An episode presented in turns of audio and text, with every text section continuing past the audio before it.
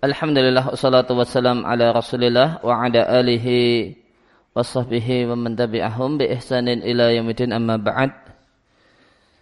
Kaum muslimin rahimani wa rahimakumullah. Jamaah salat Maghrib Masjid Al-Asri. Pokoknya demikian juga uh, pendengar radio muslim yang berbahagia kembali kita lanjutkan membaca dan mentalaah Al-Wasail Al-Mufidah lil Hayati Sa'idah karya Syekh Abdurrahman Ibn Nasir As-Sa'di rahimallahu taala. Kita sampai di catatan kaki di halaman 65. di sana disebutkan ada kutipan dari buku yang judulnya dalam bahasa Arab Kuatu Aklika Al-Batin. Kekuatan alam bawah sadar.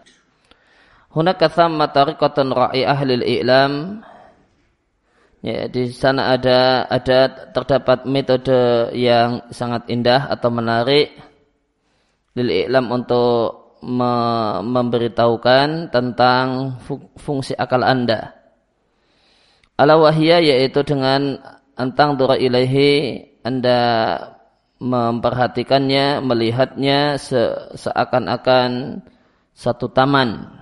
Dan Anda adalah bimathabah bagaikan seorang ya, pekerja pengurus taman yang bekerja untuk mengelola taman tersebut atau kebun tersebut. Yang tugasnya adalah ya, dengan menebarkan benih berupa yaitu pemikiran-pemikiran di alam bawah sadar Anda tiwalal yaum ya, sepanjang hari dengan asumsi dengan pondasi apa yang model pemikiran al-mu'tad yang biasa Anda miliki.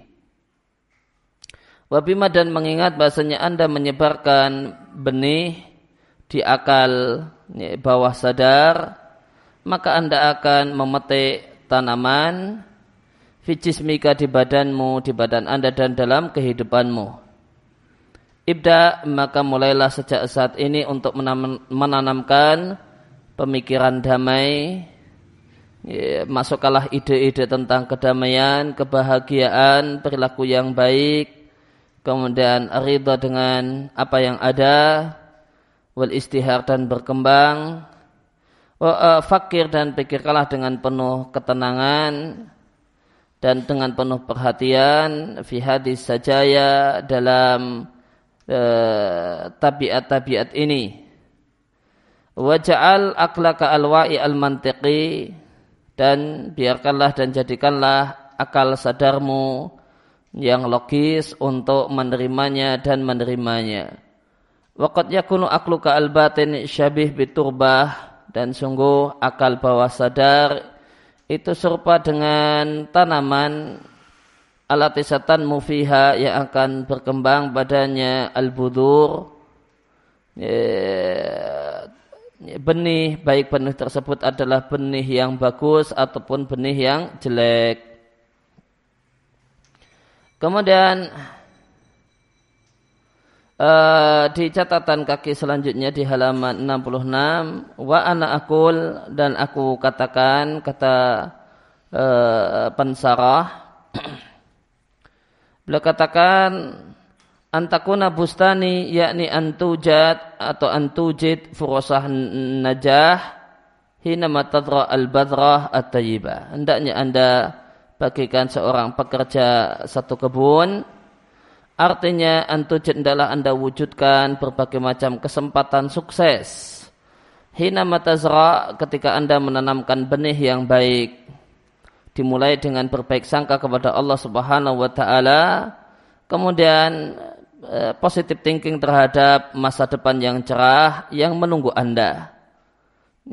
Sebagaimana diungkapkan oleh seorang penyair yang asalnya adalah penyair barat kemudian ditranslate ke dalam uh, bahasa Arab fi baiti sya'rin lahu dalam satu bait syair Nadar syakhsani abra nafidin nafidatin wahidatin ada dua orang yang memandang melalui satu jendela yang sama.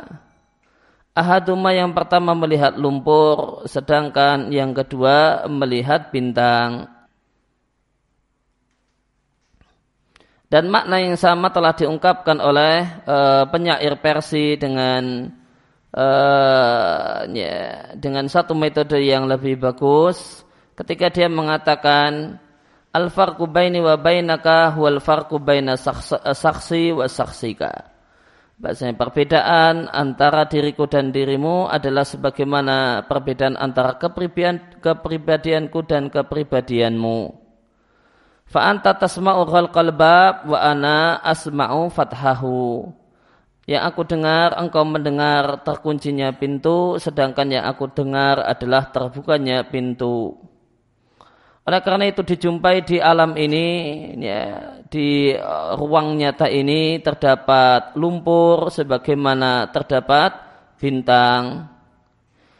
Wal ambu matrukun dan hal ini diserahkan kepada orang yang memandangnya untuk memandang salah satu dan pura-pura tidak tahu dengan yang lain maka akan dari satu suara ya, maka ketika muncul satu suara maka orang-orang yang bodoh beranggapan bahasanya pintu telah tertutup sedangkan orang yang cerdas orang yang berakal memandang bahasanya pintu itu terbuka untuknya.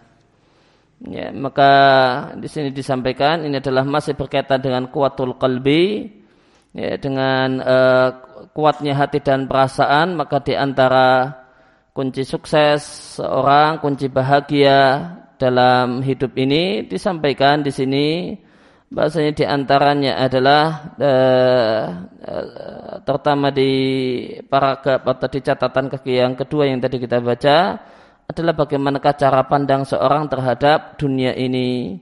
Ketika dia yang dia pandang, ketika sama-sama mendengar suara, oh ini suara pintu ya, pintu kesempatan terbuka untuknya, maka dia akan ya, menjadi orang yang ya, yang berhasil, orang yang sukses. Adapun orang yang dia negatif thinking, ya, dia pesimis, ada suara maka dia katakan ini pintu yang tertutup ya maka susahlah hidupnya maka di dunia ini ada tadi dikatakan ada lumpur dan ada bintang tergantung cara orang memandang ketika dia pandang dunia itu indah penuh dengan bintang artinya dia positif thinking ya, dia berpikir positif terhadap hidupnya dan masa depannya dia yakin bahasanya bahasanya dia punya masa depan yang cerah maka untuknya kemudahan-kemudahan.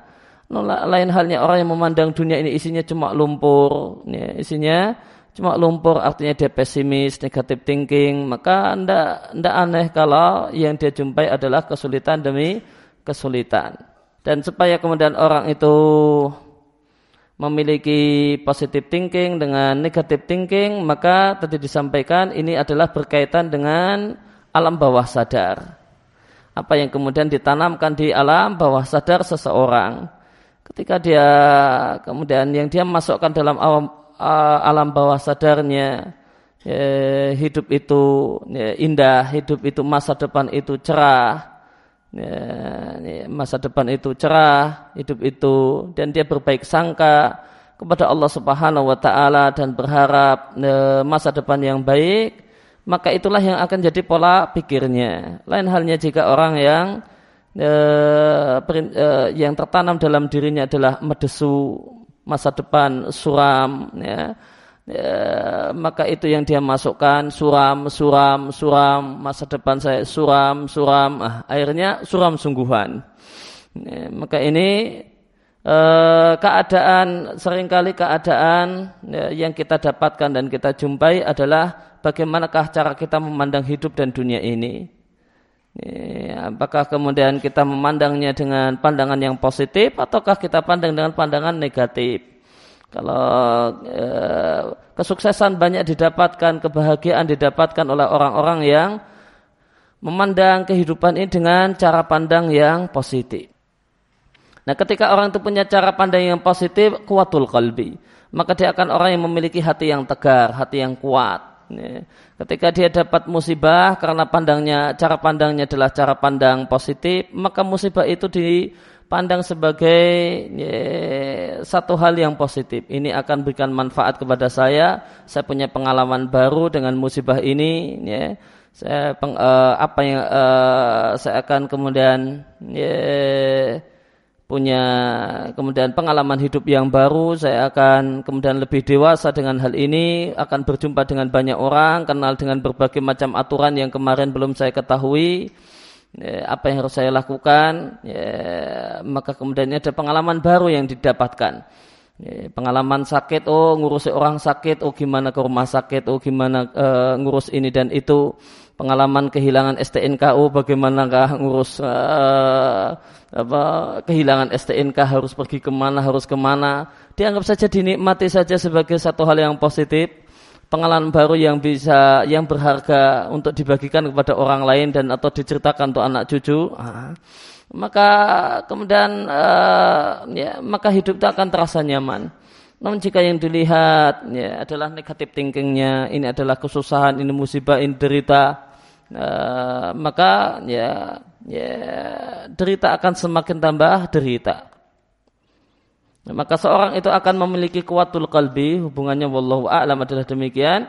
Seorang itu memiliki kuatul kalbi dalam menghadapi musibah dan masalah, manakala dia adalah orang yang positive thinking dengan dengan apa yang terjadi pada dirinya, maka dia akan jadi orang yang memiliki kuatul kalbi. Orang yang lembek, orang yang lembek adalah orang yang negatif thinking terhadap masalah-masalah dan musibah-musibah yang dia dapatkan. Kemudian kita lanjutkan pada kiat yang ke-16 atau wakulu wa adamul istislam milal khayalati sayyi'ah. Ya, adalah bertawakal, pasrah kepada Allah Subhanahu wa taala dan tidak pasrah kepada khayalan-khayalan, image-image yang jelek. Maka jika hati itu bersandar kepada Allah Subhanahu wa taala dan bertawakal kepadanya dan tidaklah pasrah kepada al-auham berbagai macam anggapan-anggapan dan tidak dikuasai oleh imajinasi-imajinasi yang buruk. Dan dia wathiqa billahi percaya dengan Allah Subhanahu wa taala dan sangat berharap terhadap anugerah Allah Subhanahu wa taala indafa'at anhu bidzalika alhumumu wal maka akan terusir dan tercegahlah darinya dengan sebab e, sikapnya semacam ini berbagai macam kegalauan, berbagai macam kesusahan dan kegelisahan. Wazala dan akan bahkan alahi, akan hilang darinya berbagai macam penyakit badan dan penyakit psikologis. Wahasalalil qalbil minal kuwah maka kemudian terwujudlah eh, maka akan terwujudlah hati yang kuat dan akan terwujudlah kelapangan hati dan kegembiraan yang tidak mungkin untuk bisa diungkapkan. Yang kata-kata itu kehabisan untuk mengungkapkannya. Fakamuliat al-mustasfayat maka betapa banyak rumah sakit itu dipenuhi orang-orang yang sakit dan sakitnya itu karena al-auham wal khayalat. Karena image-image, karena kesan-kesan yang uh, yang tidak-tidak dan karena imajinasi-imajinasi, karena imajinasi imajinasi al-fasidah yang jelek. Wakam atharat hadil umur dan betapa banyak kekhawatiran, kemudian ya, image-image dan khayalan-khayalan, jangan-jangan akan terjadi demikian, jangan-jangan akan terjadi demikian. Ya. Boleh jadi akan terjadi begini, boleh jadi akan terjadi begitu. Maka ya, anggapan-anggapan semacam ini, khayalan-khayalan semacam ini, sering kali betapa banyak asarat memberikan pengaruh kepada hati banyak orang yang sebenarnya kuat fisiknya. Fa'lan an afa lebih lagi orang yang lemah fisiknya. Dan betapa banyak kemudian kekhawatiran yang ini hakikatnya adalah imajinasi. Jangan-jangan demikian, jangan-jangan akan terjadi begini dan begitu. Nek-nek begini. Ya. Boleh jadi akan begitu dan begitu. Kam adat ilal humki wal junun. Betapa banyak hal ini menyebabkan orang melakukan tindakan yang tolol bahkan kegilaan. Wal mu'afa dan orang yang ya, orang yang selamat adalah orang yang Allah selamatkan dari dikuasai oleh imajinasi, anggapan dan hayalan hal yang di atas. Dengan Allah berikan kepadanya taufik untuk berjihad melawan jiwanya. Melawan eh, anggapan-anggapan eh, tadi. Litahsilil asbab an-nafi'ah untuk terwujudnya sebab-sebab yang manfaat dan yang menguatkan hati dan mencegah dari mencegah dan menghilangkan kecemasan. Kalau Allah Ta'ala, Allah Ta'ala berfirman, wa may yatawakkal 'ala Allah fa hasbuh. Siapa saja yang bertawakal pada Allah, maka Allah akan mencukupinya. Artinya kafih Allah akan cukupi, akan cukupi untuknya semua apa yang dia pikirkan, ya, min amri dinihi wa dunyahu baik berkenaan dengan perkara agama ataupun dunia. Maka orang yang bertawakal kepada Allah Subhanahu wa taala akan menjadi orang yang qawiyal qalbi atau qawiyul qalbi adalah orang yang kuat hatinya dan perasaan serta jiwanya. Ya, la tu'athir fihi al-auham yang buahnya adalah dia tidak akan terpengaruh oleh berbagai macam anggapan-anggapan, kekhawatiran-kekhawatiran yang sering kali tidak berdasar. Walatusaijuhu al hawadis dan dia tidaklah diganggu oleh berbagai macam peristiwa. Li ilmihi karena dia sadar bahasanya hal tersebut adalah karena kelemahan jiwanya. Wa minal khawri maka termasuk al khawr kelemahan al khawr maknanya di catatan kaki. Hmm Eh, kalau khara athawru maknanya soha. Ini, sapi tersebut berteriak. Namun kalau khara fulanun artinya da'ufa wang kasara, lemah dan patah.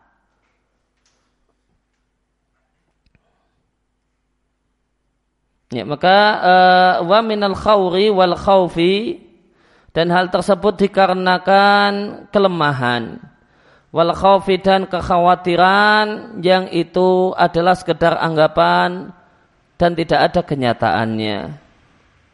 Wa ya'lamu ma'adhalika di samping itu dia menyadari bahasanya Allah Subhanahu wa taala telah memberikan jaminan kepada siapa saja yang bertawakal kepadanya maka Allah akan mencukupinya secara sempurna.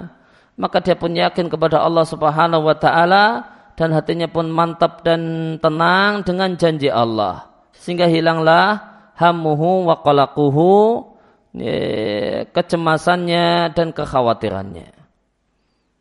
Wa itabadal dan berubahlah kesulitannya menjadi kemudahan. Berubahlah tarahnya, sedihnya menjadi gembira. Tarah maknanya hazan. Wa khawfuhu amna dan berubahlah rasa kekhawatirannya menjadi rasa takut. Eh, rasa kekhawatirannya menjadi rasa aman. Uh, maka kita mohon kepada Allah Subhanahu wa taala al-afiyah untuk diselamatkan dari dikuasai oleh perasaan cemas dan kekhawatiran yang berlebihan. Dan semoga Allah Subhanahu wa taala kita mohon pada Allah agar Allah memberikan karunia kepada kita berupa memiliki hati yang kuat dan hati yang tegar. Wa bitawakul uh, al-kamil dan semoga Allah Subhanahu wa taala memberikan kepada kita tawakal yang sempurna Eh, dan orang yang tawakal sempurna Allah Allah berikan jaminan untuknya. Allah akan jamin Allah akan berikan badannya segala kebaikan. Dan Allah akan cegah darinya segala keburukan wadair dan segala madarat.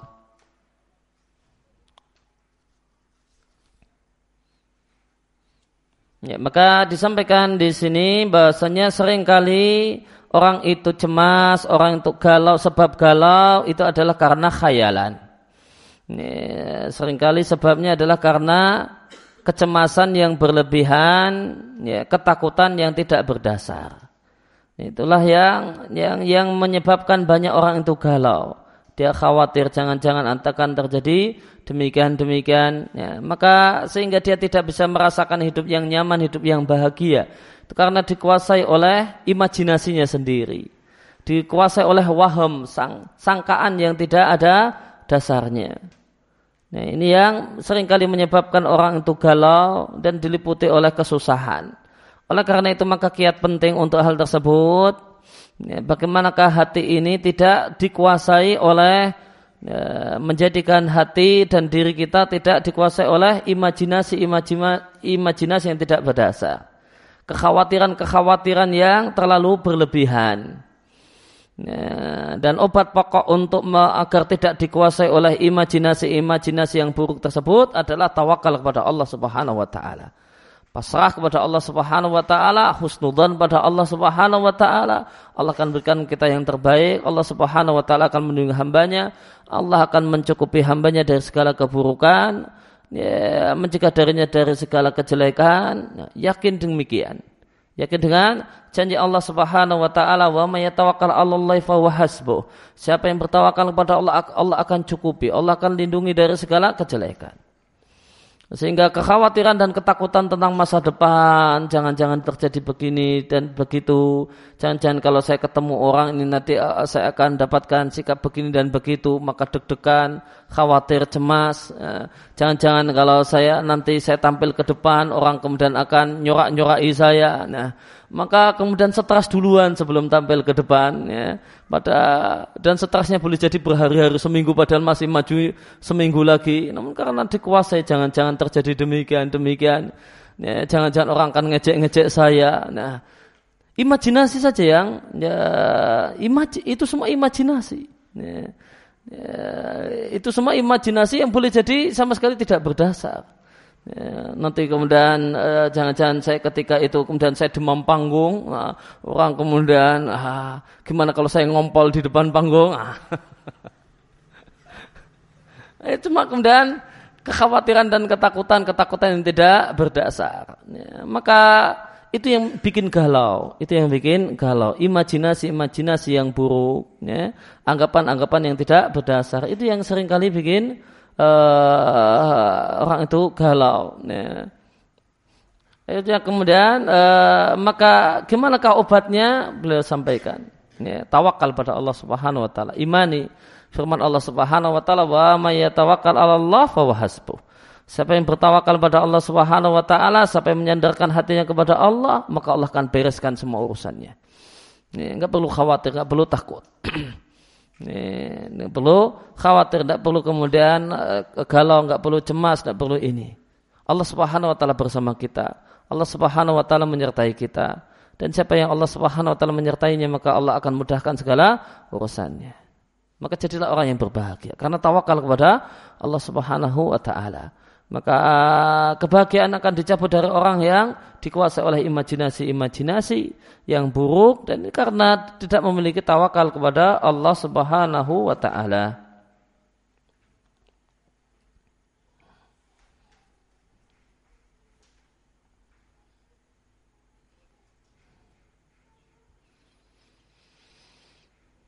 Ya, uh, ya, sakam tentu maknanya adalah al-marad, sakit, ini kalamun sakim artinya perkataan yang tidak benar. Makanun sakim tempat yang sakit artinya fihi khauf mengkhawatirkan.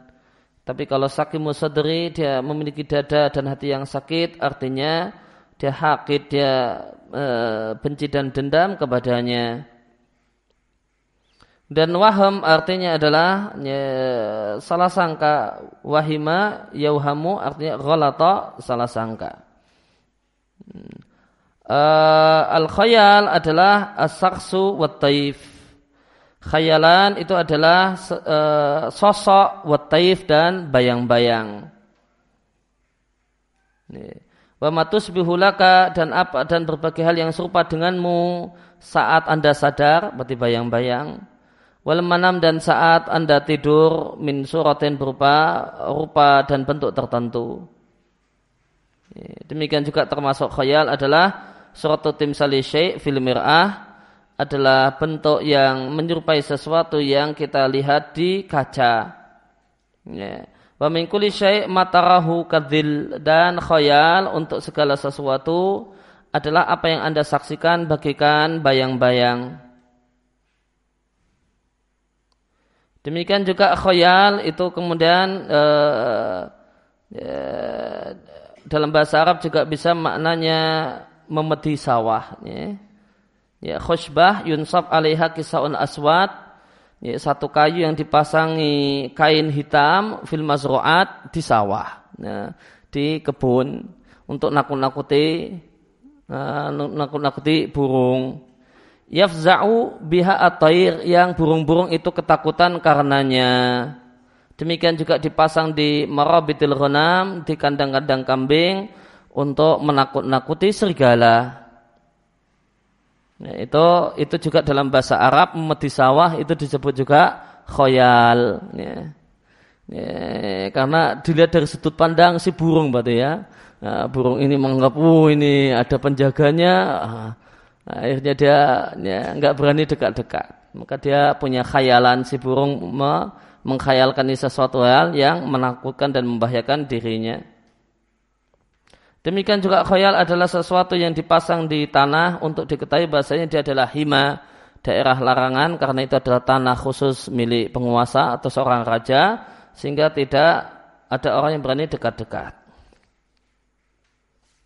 Dan khayal itu juga bisa artinya imajinasi yang definisinya dalam bahasa Arab adalah ihda kual akli salah satu potensi akal ala dia takhayal biya al asya yang dengannya seorang itu mengimajinasikan berbagai macam hal. Kemudian uh, kiat yang ke-17 tautinun nafsi liqabulu uyubil akharin.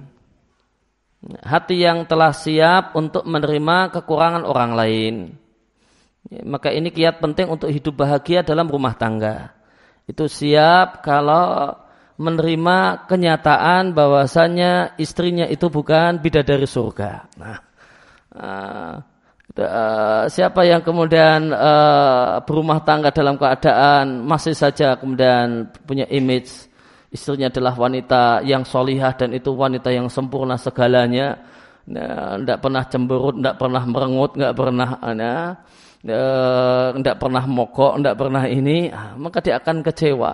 Nah, dan karena kecewa dia kemudian tidak bahagia. Nah, dia kemudian mengatakan saya tidak bahagia dalam rumah tangga. Nah, nah namun uh, demikian juga sebaliknya wanita yang uh, kemudian punya khayalan sempurna tentang calon suaminya dan tetap itu dan ketika ternyata dia jumpai suaminya tidak sebagaimana khayalan dan imajinasinya, maka dia akan kecewa berat. Dia akan mengatakan saya menderita dan sengsara selama berumah tangga dengannya.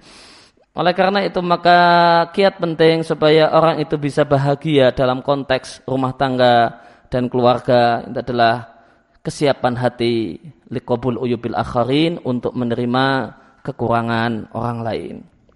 Demikian juga uh, ini adalah kemudian kiat uh, kiat untuk kemudian hidup bahagia dalam konteks persahabatan dan perkawanan. Kalau seorang yang beranggapan bahasanya teman saya ini temannya itu harus orang yang tidak pernah bikin saya kecewa. Nah, ya, maka ketika sekali dia kecewa, dia dia dikecewakan oleh oleh temannya, maka dia akan demikian sedih dan dia akan demikian galaunya. Ya, namun kemudian ketika dia siap, ya, saya ini bergaul dengan manusia dan bukan dengan malaikat, uh, maka dia siap dengan uh, kekurangan dan kejelekan, keburukan dari kawannya dan orang-orang yang ada di sekelilingnya, maka dia akan enjoy, dia akan nyaman, ya, dia akan sehingga dia bisa hidup bahagia. Yakinlah bahwasanya siapa yang mengandalkan manusia maka dia akan kecewa. Ya. Dan siapa yang kemudian mengandalkan Allah Subhanahu wa taala maka dia akan bahagia. Ya. Maka siapa yang ya, sangat mengandalkan manusia dia akan kecewa. Itu harus disadari. Itu harus disadari. Manusia di sini boleh jadi istrinya, boleh jadi suaminya, boleh jadi teman akrabnya, boleh jadi saudaranya. Siapa yang mengandalkan terlalu mengandalkan manusia dia akan kecewa. Ini, ini betul-betul disadari. Ya, ketika ini disadari maka dia akan siap menerima kekurangan orang lain. Dia akan bisa hidup bahagia. Orang yang tidak punya prinsip ini, ya, orang yang tidak ini tidak siap, dia akan hidup susah. Dan ini diambil dari sabda Nabi Shallallahu Alaihi Wasallam, layafruk mukminun mukminatan. Tidaklah seorang mukmin tidaklah membenci mukminah yang uh, mukminah maka hendaklah seorang suami tidak membenci istrinya. In kariha minha khuluqan radhiya minha khuluqan akhar. Ya. Ya. Ketahuilah bahasanya jika ada satu dari perilaku dan akhlak istrimu yang tidak engkau sukai, maka ada sisi lain yang dia sukai dan dia senangi. Ya, dan sisi yang lain itulah yang diingat-ingat. Ya. Sisi lain tersebutlah yang diingat-ingat. Ya. Boleh jadi dia punya kekurangan dari satu sisi, maka ingatlah ada sisi-sisi yang lain. Boleh jadi istrinya ini ternyata kok kurang cantik. Oh, ternyata kurang cantik. Namun dari istri tersebut, namun dia ya, manutnya luar biasa, taatnya luar biasa. Sudah manut, pintar masak. Nah, anak-anak yang datang darinya, yang itu adalah anak-anak yang penurut-penurut. Nah, maka kurang cantik nggak apa-apa. Kan? Jadinya kurang cantik tidak apa-apa. Namun kemudian kalau kemudian punya istri cantik maka jangan kaget kalau nggak pinter masak karena pinternya macak dan pinternya berdandan ya kan.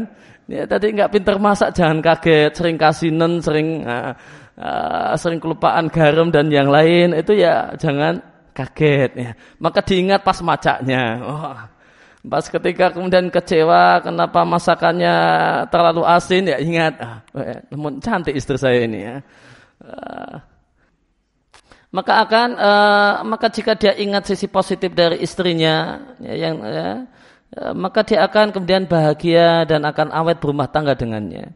Nah, kalian diingat adalah sisi negatifnya, sisi kekurangannya, sisi positifnya itu hilang dari ingatannya. Yang ada kemudian sisi negatif semua.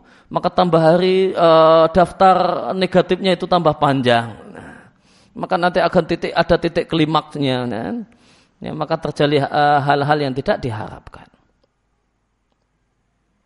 Maka hadis ini yang merupakan riwayat Muslim ini mengandung dua pelajaran penting.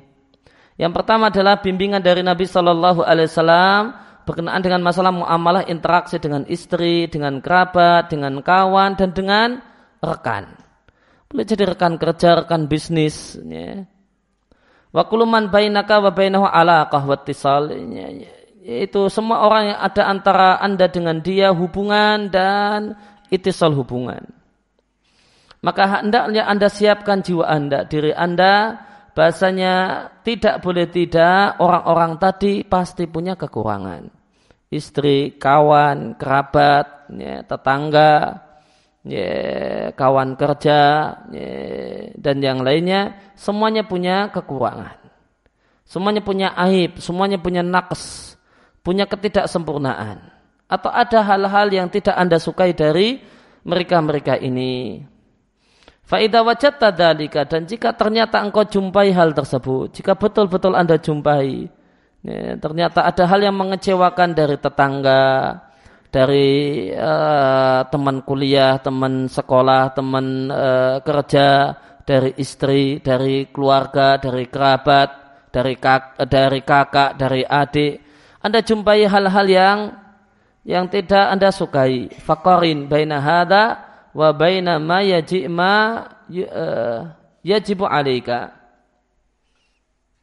Maka bandingkanlah maka lakukanlah komparasi lakukanlah perbandingan antara kekurangan yang dia miliki. Wa ma yajibu laka dan ya, kewajiban yang harus Anda berikan kepadanya. Au barilaka dan apa yang sepatutnya Anda miliki berupa kuatil itisal wal ibqa alal mahabbah. Ya, hubungan yang kuat dan mempertahankan rasa cinta. Caranya bitazakur dengan mengingat-ingat ma fihi minal mahasin. Sisi-sisi indah, sisi-sisi positif dari ya, dari orang-orang yang tersebut. Wal maqasidul al khasa wal ammah dan tujuan yang bersifat pribadi dan yang bersifat umum uh, darinya.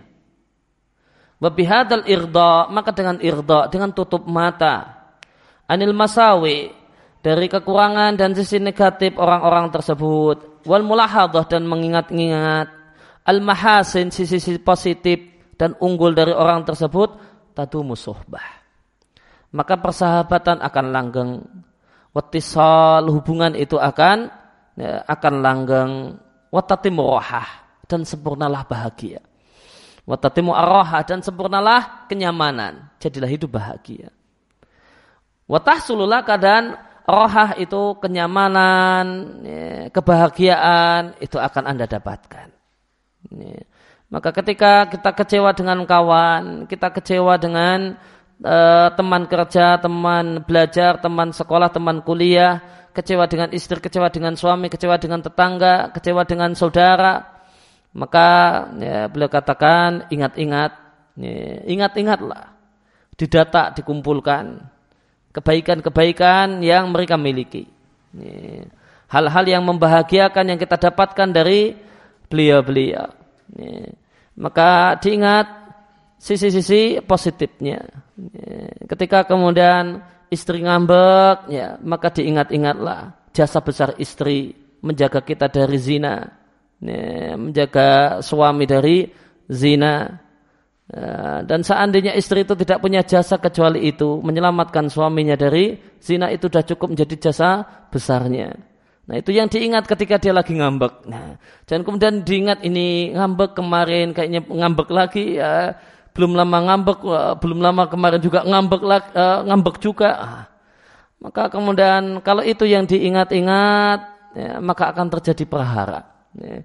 Dan jika jika ingin bahagia dan jika ingin awet, jika rumah tangga itu ingin langgeng, maka ketika ada hal yang mengecewakan, ingat jasa baiknya, sisi-sisi positif yang dia miliki, maka akan anda akan tatimurohah watah sulu aroha maka akan anda akan mendapatkan kenyamanan. Anda akan mendapatkan kebahagiaan. Ya, jika cara pandangnya demikian jika cara pandangnya adalah cara pandang mengingat sisi positif dari kawan, dari tetangga, dari kerabat.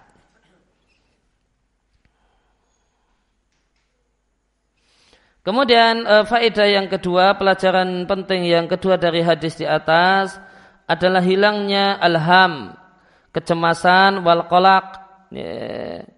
Ya, alham itu ke, ketakutan, kecemasan berkenaan dengan hal yang terjadi. Al kolak itu cemas dan deg-degan saat ini. Wabaka'u sofa dan tetap uh, tetap bertahannya kejernihan, kejernihan suasana. Wal mudawamah alal qiyam dan terus menerus menunaikan apa yang menjadi kewajiban apa yang jadi yang harus ditunaikan baik hukumnya wajib atau kan mustahab. Wahusulu rohah dan timbulnya kenyamanan dan kebahagiaan pada dua belah pihak. Ini ini uh, ini manfaat yang akan didapatkan oleh uh, orang yang mengamalkan hadis di atas. Maka poin yang pertama Nabi mengajarkan kepada kita untuk mengkomparasikan kekurangan uh, orang-orang tersebut itu dengan sisi-sisi positif yang kita dapatkan dari mereka-mereka. Ya, jika ini dilakukan maka faedah yang kedua maka kandungan yang kedua dari hadis ini inilah sumber bahagia. Inilah kunci bahagia. Dan siapa yang tidak yastarsyid mengamalkan petunjuk yang Nabi sampaikan dalam hadis di atas, bahkan akasal qadiyah, bahkan membalik sikap. Yang Nabi ajarkan adalah ingat, ingat positifnya ingat-ingat keunggulannya, malah dibalik. Malah mengingat-ingat, ya, mengingat-ingat kekurangannya. Ya, mengingat-ingat betapa banyak kita kecewa karenanya. Ya. Ya, bahkan kemudian punya diary yang berisikan daftar kecewaan kita kepadanya. Oh, ini satu, dua, tiga, empat, lima, enam. Nah, malah kemudian ketika kecewa lagi maka buka buku lagi tambahi lagi ini sekarang sudah nomor 31 nah, ini sekarang sudah nomor sekian maka orang yang akasal qadiyah membalik e, permasalahan. Falahidha al masawi maka yang dia ingat sisi-sisi negatif. Wa amya dan dia buta. Anil mahasin dari sisi-sisi positif orang tersebut maka dia pasti akan cemas. Dia akan pasti mendapatkan kolak walau buta ayat takadar dan pasti akan terjadilah kekeruhan. Hubungan antara dia dan orang-orang yang ya tasilbi yang dia punya hubungan dan kaitan dengannya. Ini akan mempengaruh akan mengeruhkan al-mahabbah, cinta dan kedekatan hati yang terjadi antara keduanya. Wa yataqatta katsir minal huquq. Maka akan kemudian terputuslah banyak dari kewajiban yang masing-masing dari keduanya itu punya kewajiban untuk menjaganya. Maka banyak manusia-manusia Rawil Humumil Aliyah yang punya tekad yang tinggi dan membaca mereka adalah orang-orang yang telah menyiapkan diri ketika terjadi berbagai macam bencana dan mus'ijat berbagai macam pengganggu. Dengan bersabar uh, dia kuatkan dirinya untuk bersabar dan tenang.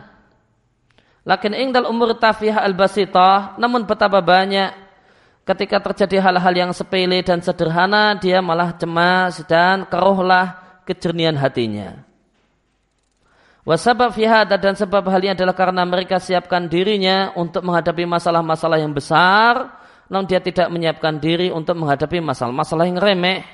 Sehingga masalah remeh itu memberikan madarat kepadanya dan mempengaruhi kenyamanan dan kebahagiaannya. Dan orang yang betul, sikap yang benar, falhazim, orang yang memiliki ya, jiwa yang tegar, sesungguhnya adalah orang yang menyiapkan dirinya untuk menghadapi hal-hal yang mengecewakan baik itu kecil ataupun besar. Wa i'anah 'alaiha kita mohon kepada Allah Subhanahu wa taala agar Allah Subhanahu wa taala membantu dan menolong kita untuk mewujudkan hal yang hal tersebut dan Allah tidak pasarkan diri kita kepada diri kita sendiri meskipun hanya sekejap mata fa'ing dadalika maka pada saat itu akan mudahlah baginya asarir hal-hal yang sepele sebagaimana mudah baginya hal-hal yang besar dan jadilah dia tetap menjadi orang yang tenang jiwanya ya, dan tenang hatinya mustarihan dalam keadaan nyaman. Ya. maka beliau sampaikan ada orang-orang yang boleh jadi sukses di luar. Nah, sukses di luar dia punya bisnis yang besar ya karena dia adalah orang-orang yang siap dengan bencana-bencana yang besar. Non boleh jadi dia tidak sukses di rumahnya. Tidak sukses di rumahnya. Padahal dia menghadapi masalah-masalah yang besar gawat itu sukses. Dirinya siap untuk menghadapi hal-hal yang besar. Ternyata dia kok kenapa gagal dalam rumah tangga? Ternyata dia tidak siap dengan yang kecil-kecil. Ya, ya, ternyata dia nggak siap dengan kecil-kecil. Dia tidak siap dengan istrinya yang lupa bikinkan teh pagi hari. Akhirnya marah-marah. Cuma gara-gara masalah sepele. Ya. Demikian kecewanya dan eh, dan hal-hal yang lainnya. Itu di antara itu rahasia kenapa banyak orang yang sukses di dunia bisnis ternyata kacau rumah tangganya. Karena dia siap dengan kemungkinan-kemungkinan yang begitu gawat di dunia luar, non dia tidak ya, tidak siap dengan kecewa dalam hal-hal yang remeh, sepele dan sederhana di dalam rumahnya. Ya, maka al-hazim orang yang benar, orang yang berbahagia, orang yang kuat hatinya adalah orang yang siap dengan masalah besar dan masalah kecil. Ya, demikian yang kita baca dan kita bahas kesempatan malam hari ini. Wassalamualaikum ala nabiyina Muhammadin wa ala alihi wa sallam. Wa ruda'ana alhamdulillahi rabbil alamin. Subhanaka Allahumma wa bihamdika. Asyadu an la ilaha illa anta astaghfiruka wa atubu ilaih.